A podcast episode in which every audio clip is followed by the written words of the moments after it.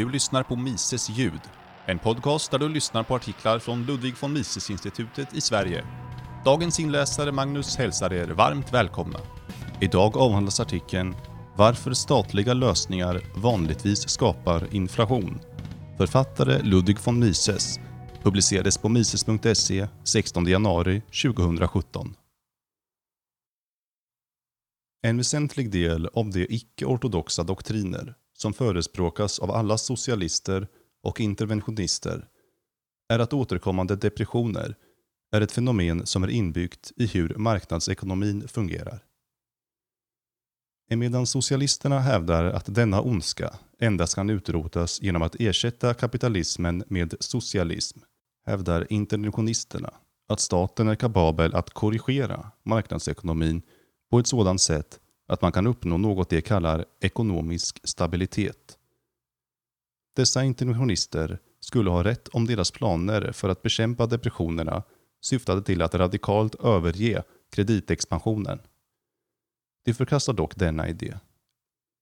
Vad de vill göra är att öka kreditexpansionen ännu mer och förhindra depressioner genom antagandet av särskilda kontracykliska åtgärder. Avseende dessa planer ter sig staten som en gudom som existerar och verkar utanför de mänskliga affärerna, som är oberoende av hur dess subjekt agerar och som har makten att påverka deras handlingar utifrån. Till sitt förfogande har den medel och tillgångar som folket inte bidragit med och som fritt kan användas för vilka som helst ändamål som härskarna är villiga att använda dem för. Det enda som krävs för att denna makt ska användas på det mest gynnsamma sättet är att man följer experternas råd. Det mest bekanta exemplet på ett sådant botemedel är en kontracyklisk timing av offentliga arbeten och offentligt spenderande. Denna idé är inte så ny som dess förespråkare vill få det att verka. När de dåliga tiderna uppstår har allmänheten i det förgångna alltid krävt att staten sätter igång offentliga arbeten för att skapa jobb och för att förhindra ett prisfall. Men problemet är hur dessa offentliga arbeten ska finansieras. Om staten beskattar medborgarna eller lånar från dem bidrar den inte alls till det som keynesianerna kallar den aggregerande mängden utgifter. Den begränsar den privata medborgarens möjlighet att konsumera eller investera i samma omfattning som den ökar sin egen. Men om staten finansierar detta genom de omhuldade inflationära metoderna gör den saker och ting värre, inte bättre. Den må ett kort tag försena krisens utbrott. Men när avräkningen väl kommer blir krisen desto tyngre ju längre staten har försenat den. De interventionistiska experterna förstår inte de verkliga problemen i deras ögon är det viktigaste att planera offentliga kapitalutgifter i god tid och ackumulera fullständigt utarbetade kapitalprojekt som kan sättas igång med kort varsel. Detta, säger de, är den rätta politiken och något som vi rekommenderar alla länder att följa. Men problemet är inte utarbetandet av projekt, utan hur man bidrar med material för deras genomförande.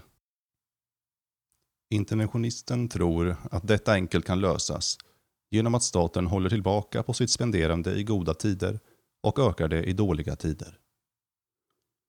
Det är visserligen sant att det är bra att staten minskar sina utgifter, men detta bidrar inte med de medel som staten behöver för en senare ökning av sina utgifter. En individ kan verka på detta sätt. Han kan, genom sparande, ackumulera när hans inkomst är hög och spendera senare när hans inkomst faller.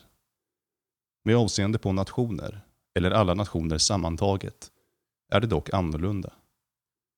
Statskassan kan hamstra en ansenlig del av det överflöd som samlas in via skattesedeln som ett resultat av de goda tiderna.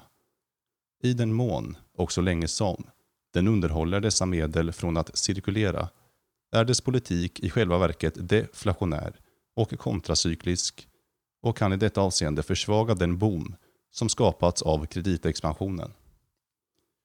Men när dessa pengar åter spenderas förändrar det penningrelationen och framkallar en tendens mot en minskning av pengarnas köpkraft.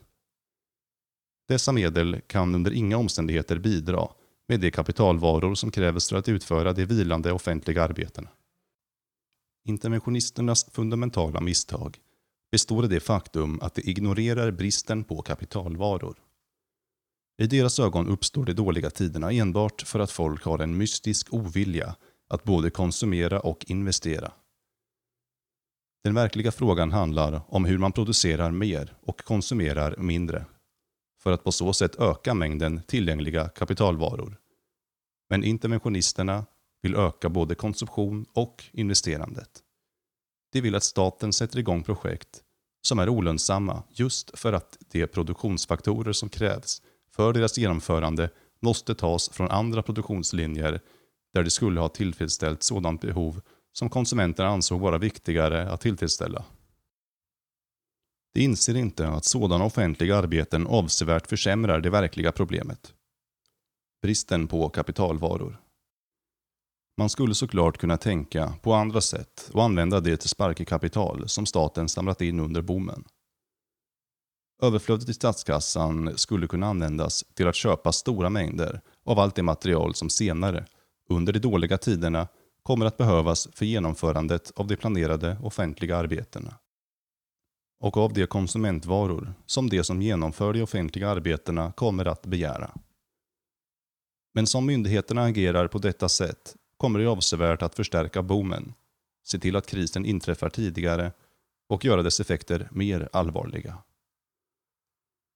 Allt detta prat om att staten ska agera kontracykliskt har endast ett mål i sikte. Nämligen att avleda allmänheten från den verkliga orsaken till marknadens cykliska fluktuationer. Alla stater är helt och hållet hängivna till att föra en lågräntepolitik, kreditexpansion och inflation. När de oundvikliga effekterna av denna kortsiktiga politik uppstår är de endast medvetna om ett enda botemedel. Mer inflation. Originalartikeln har översatts av Joakim Kempe.